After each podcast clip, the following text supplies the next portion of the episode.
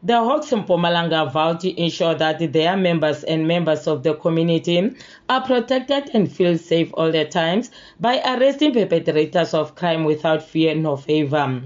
During further investigation, previous cases were detected and the accused were linked to other serious cases pending in court.